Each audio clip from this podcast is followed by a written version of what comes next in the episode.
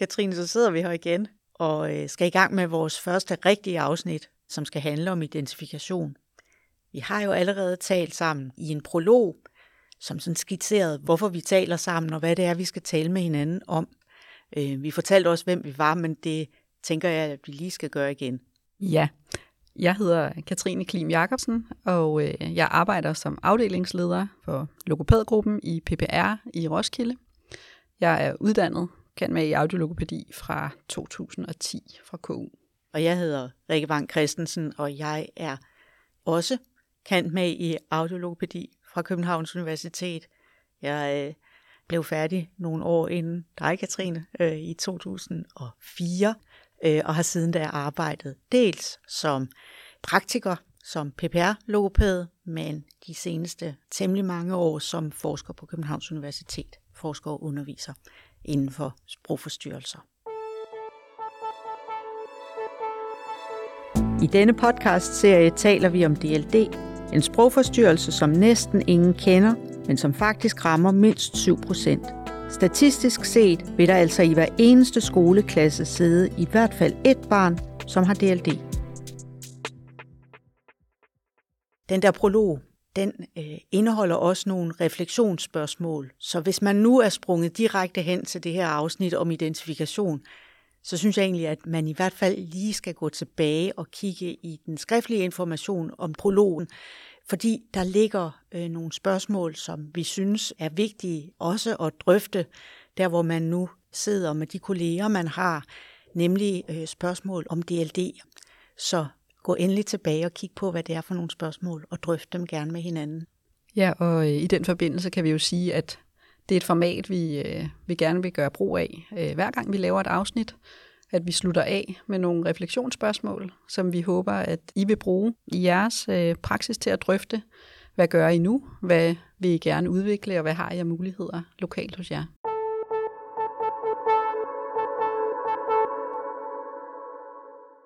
Dagens afsnit. Det skal jo handle om øh, identifikation, så der er det rigtig meget dig, Rikke, som er på banen, for det vil jo tage afsæt i forskningen i DLD. Og hvad vil det så sige at have DLD? De beskrivelser, der er, siger, at helt grundlæggende, når man har DLD, så har man vedvarende vanskeligheder med at tilegne sig sprogfærdigheder på samme niveau som sine jævnaldrende. Så man har sprogvanskeligheder, der rammer sprogproduktion, sprogforståelse, brugen af sproget i en eller anden grad og i en eller anden kombination, fordi det er også en pointe her, at, at der ikke er nogen helt bestemte sproglige vanskeligheder, der altid skal være til stede for, at vi kan tale om DLD, men der skal være tale om nogle, nogle vedvarende vanskeligheder her. Og hvad vil det så sige? At det kan for eksempel handle om en syvårig, der ligesom Rasmus, som jeg kendte engang, har rigtig store vanskeligheder ved at mobilisere øh, de ord, som skal bruges i situationen, man står i. Måske kommer man til at sige, øh, han finder sin hund, i stedet for han leder efter sin hund.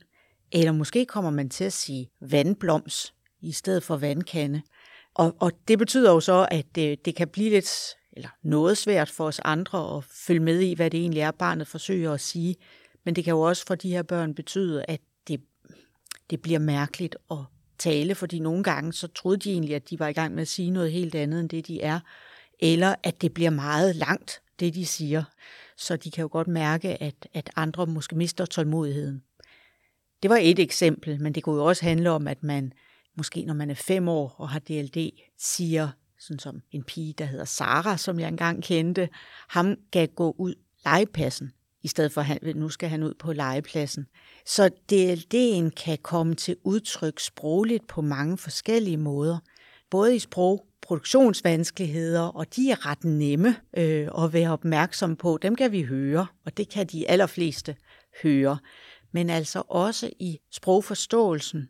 Og det vi kan se, og som er beskrevet i litteraturen, det er, at nogle børn måske kun har vanskeligheder, eller udelukkende skal jeg sige, har vanskeligheder med sprogforståelsen, men også at de børn, som, som starter med at have store øh, sprogproduktionsvanskeligheder, de faktisk så ender med ikke rigtig at have så mange sprogproduktionsvanskeligheder mere, men udelukkende at have sprogforståelsesvanskeligheder.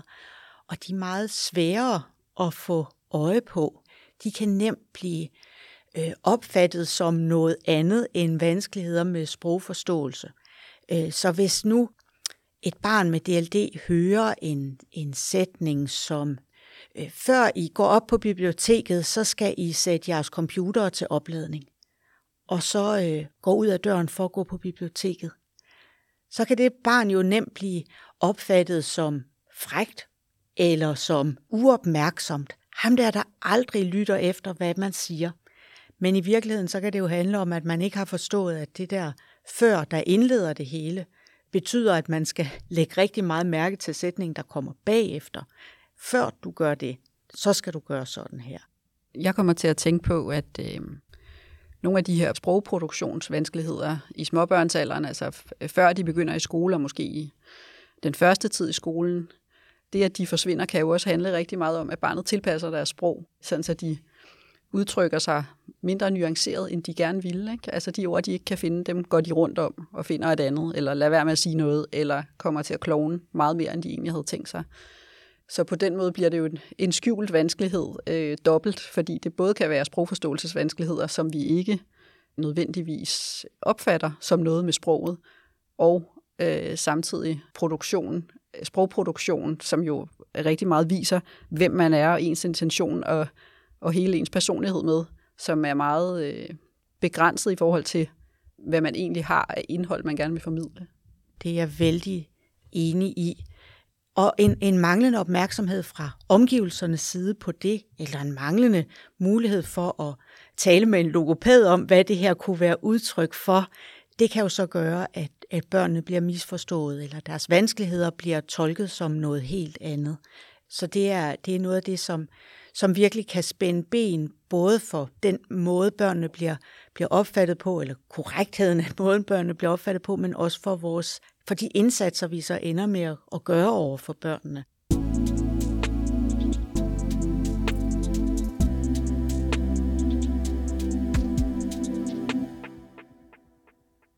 Og hvad ved man egentlig om, hvorfor nogen får DLD? Altså faktisk så øh, er DLD uforklarede sprogforstyrrelser. Så det er altså ikke en sprogforstyrrelse i forbindelse med autisme eller i forbindelse med, at man har generelle indlæringsvanskeligheder eller udviklingshæmning. Så DLD kommer af, at man altså på en eller anden måde har sværere ved at lære sprog, end andre børn har. Man har en sprogindlæringsvanskelighed. Og øh, vi ved, at der er et element af genetik i det her, så DLD findes i familier – vi ved også, at hvis man kigger på hjernen, så ser hjernens øh, struktur og hjernens måde at arbejde på på nogle måder lidt anderledes ud, når man undersøger børn med DLD, end når man undersøger børn, som ikke øh, har DLD. Men der ved vi bare ikke rigtigt, om det er årsagen til, at man har sin sprogforstyrrelse, eller det er en effekt af, at man har sin sprogforstyrrelse. Men det kan vi altså se i de relativt få undersøgelser, som vi har af af hjernens øh, struktur og funktion.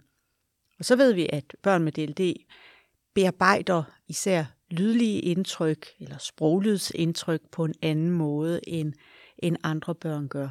Så, så vi kan kigge på det her på forskellige niveauer, men forklaringen på, at, øh, at nogle børn øh, får DLD, den har vi altså ikke. Det er uforklarede sprogforstyrrelser.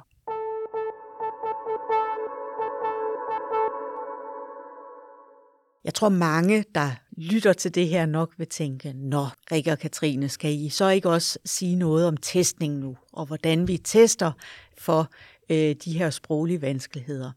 Og det skal vi snakke om, men vi skal altså ikke gøre det lige nu, fordi det får faktisk sit helt eget afsnit.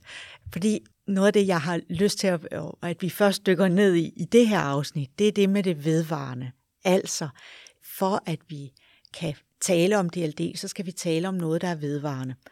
Og det betyder dels, at vi altså ikke kan sige om et to et halvt årigt barn, at det to et halvt årige barn har DLD, fordi så har de sproglige vanskeligheder simpelthen ikke varet længe nok til, at, at det er det, vi kan udtale os om. Så dels skal der, skal der altså være nogle vanskeligheder over tid, øhm, men vanskelighederne skal ligesom også være der, fordi barnet har en indlæringsvanskelighed.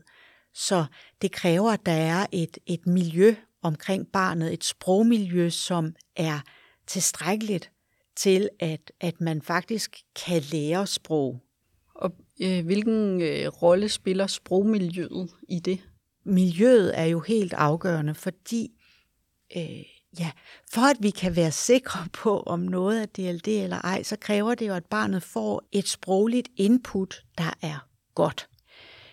Fordi hvis barnet ikke gør det, så er det meget sværere for os som logopæder at afgøre, er der tale om DLD, eller er der tale om en, et, et sprogmiljø, der ikke er tilstrækkeligt godt øh, til, at børn lærer at bruge sproget på en, en, en måde, der svarer til deres jævnaldrendes i andre familier eller i andre dagtilbud.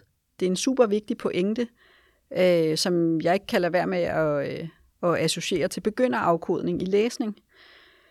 Fordi hvis et barn har vanskeligheder med at lære afkode, så vil vi jo altid kigge kritisk på den undervisning, barnet har modtaget som det første. Kan vi overhovedet forvente, at barnet på det her grundlag skal have tilegnet sig øh, de færdigheder, det kræver at, øh, at komme i gang med sin afkodning? Og tilsvarende, så må man jo spørge sig selv og hinanden, hvilket sprogligt og kommunikativt miljø har, har barnet færdes i, øh, hvis vi ser sproglige vanskeligheder af den ene eller den anden art. Det er muligvis noget, vi i praksis ikke øh, har så meget øh, sprog for, hvordan vi får, øh, får kortlagt det. Øh, og det er også, synes jeg, en pointe, der er super svær at omsætte, fordi hvis der er tale om et sprogmiljø, som trænger til en kærlig hånd, så er det, det er rigtig svært at rykke på det sprogmiljø, barnet færdes i, fordi det er nu engang i det dagtilbud, det er. Øh, og der, øh, der kan man jo som logopæd godt lave noget individuelt, øh, selvfølgelig sammen med nogle voksne, formentlig forældrene, sammen med barnet, som muligvis kan rykke noget, men hvis det er uden sammenhæng til, til det miljø, som barnet ellers færdes i, så er der grænser for, hvor langt vi kan, vi kan rykke det. Og det er jo ikke for at sige, at, øh, at sådan er det altid, men sådan er det nogle gange. Og der synes jeg, at man virkelig skal se sig selv og sin faggruppe i øjnene og sige, hvad er vores bedste træk her? Hvordan får vi mest muligt ud af de ressourcer, vi har? Det er jeg meget enig i der tror jeg, det er rigtig vigtigt, at man dels får sin, sin faglige øh, leder og også pædagogisk konsulent med sig eller på banen i forhold til, hvad er det så for nogle ændringer af praksis i det her dagtilbud, der skal til for, at det bliver et, et godt dagtilbud for de børn, der nu øh, befinder sig der. Det, det, det tror jeg er helt afgørende, og måske er det noget af det, som som øh, man også kan tale om efter at have lyttet til den her podcast. Hvad er det egentlig for noget organisatorisk, man har til rådighed i sin kommune i forhold til at, at skabe ændringer i dagtilbud? Fordi jeg synes, den en anden side af det er, hvad gør man så som enkelt logopæd? Og hvis jeg skal gribe i egen barm øh, og tænke tilbage på min egen praksis, så kan jeg tænke på flere tilfælde, hvor min løsning på den slags dilemmaer var, at øh, når jeg så ikke rigtig kunne bruge dagtilbuddet som en god sparringspartner i forhold til at sige, er der tale om en indlæringsvanskelighed her, er der tale om øh, varige vanskeligheder, fordi det, der foregik i dagtilbuddet, var ikke af særlig høj kvalitet. Hvad gjorde jeg så? Jo, så kom jeg til at sidde og arbejde individuelt med det her barn for at give det det, som det ikke fik i tilstrækkelig grad i, i dagtilbuddet, fordi jeg så selv vil prøve at finde ud af, kan vide, om, om jeg kan rykke barnet med en indsats.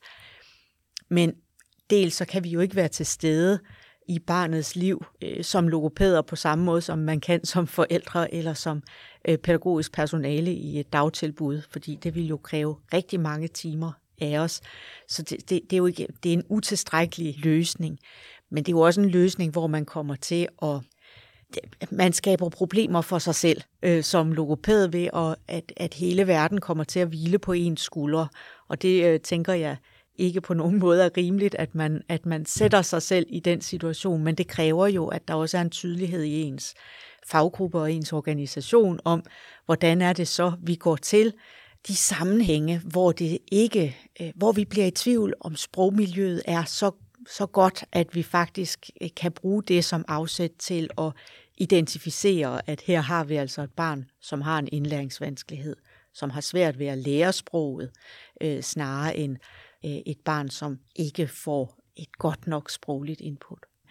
Og i forhold til, hvad et tilstrækkeligt sprogmiljø er, så tror jeg også, det er noget, vi, vi, vi skal sparke hen til det afsnit, som handler om indsatser, fordi der bliver, bliver det gode øh, sprogmiljø i på almen området eller ude i, de, ude i dagtilbudene og i, i de almindelige klasser også noget af det, som vi skal prøve at dykke lidt ned i.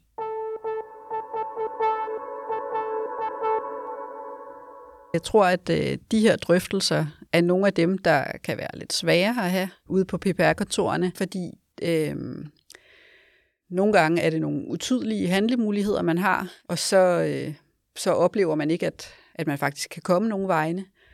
Og de er også svære, fordi det vil føles som et, øh, et etisk dilemma for den enkelte, at øh, man kan se, at det her barn har brug for noget, som jeg godt i nogen grad kan give det.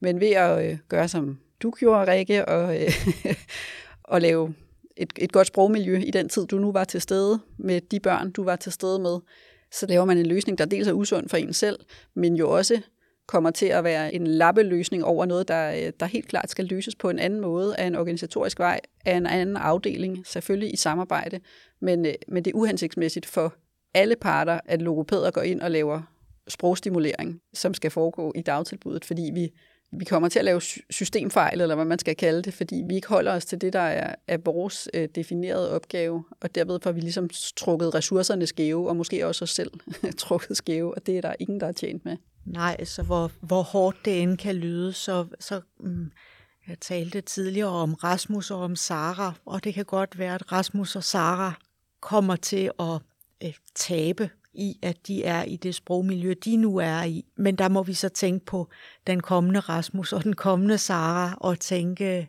vi kan, vi kan ikke løfte alle de børn, der er i det dagtilbud, og det får vi sandsynligvis heller ikke øh, direkte mulighed for, fordi det er ikke dem alle sammen, der bliver indstillet til os, og der kan man jo så også spørge, er vores kræfter godt brugt på at, at forsøge at, at, at gøre det godt for, for Rasmus og Sara, velvidende, at der sidder 18 andre børn på den børnehavestue, som også kunne have brugt, at der kom en logopæd og forsøgte at gøre noget godt? Øh, eller er vores ressourcer bedre brugt på at gå ind i netop det organisatoriske og forsøge at sikre, at, at der over tid bliver tale om et bedre dagtilbud, som kan løfte børnene og hjælpe os øh, også til at finde ud af, at det er et barn med DLD.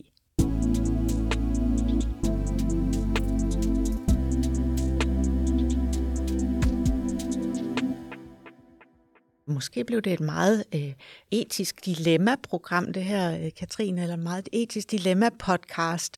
Og det øh, håber vi vel så, at, at den kan man tage op og også tale om, I der, der sidder derude og lytter, så, så hvordan er det, I går til det her ude hos jer? Er det genkendeligt, det vi har talt om, og hvad er løsningerne for den enkelte og også for faggruppen? Og måske sidder man også med en følelse af, at de talte der slet ikke om identifikation, og det gjorde vi jo sådan set på nogle måder øh, alligevel, fordi det her er vigtigt som udgangspunkt for overhovedet at finde ud af, er der tale om en sprogforstyrrelse her, eller er der ikke? Så hvis man sidder og venter på det der afsnit om, om den rigtige form for identifikation, testningen af børnene med DLD, så bare rolig, det, det kommer. Men, øh, men her tog vi altså fat på nogle, nogle, nogle lidt andre aspekter af, af det med identifikationen. Det gjorde vi, og øh, vi har jo også lovet at øh, slutte af med nogle refleksionsspørgsmål, som I kan benytte jer af, hvis I har lyst. Og de kommer her, og de vil også fremgå skriftligt, ligesom de også gjorde i prologen. Hvilke spørgsmål stiller I i jeres sparringsforer, som kan gøre jer selv og også personalet i dagtilbud eller skoler klogere på, om der kunne være tale om en sprogforstyrrelse? Hvordan følger I op på, hvorvidt justeringer i den almene praksis rækker for at forbedre barnets funktion? Og i forhold til det organisatoriske, hvilke muligheder har I i organisationen, hvis I oplever, at et sprogligt læringsmiljø giver børnene begrænsede muligheder for at udvikle sig, og dermed også muligheden for, at I kan vurdere, om et barn, som har sproglige vanskeligheder, faktisk rykker sig i et godt sprogmiljø, eller om barnet skal indstilles til PVR på grund af mistanke om DLD. Ja, så det vil være de spørgsmål, vi håber, I vil tage op ude hos jer, og, og med det så tænker jeg, at vi skal, vi skal afslutte det her første afsnit om identifikation. Der kommer altså endnu et afsnit om identifikation, om testning og også nogle dilemmaer i den sammenhæng. Det øh, glæder jeg mig til at snakke med dig om, Katrine. I lige måde.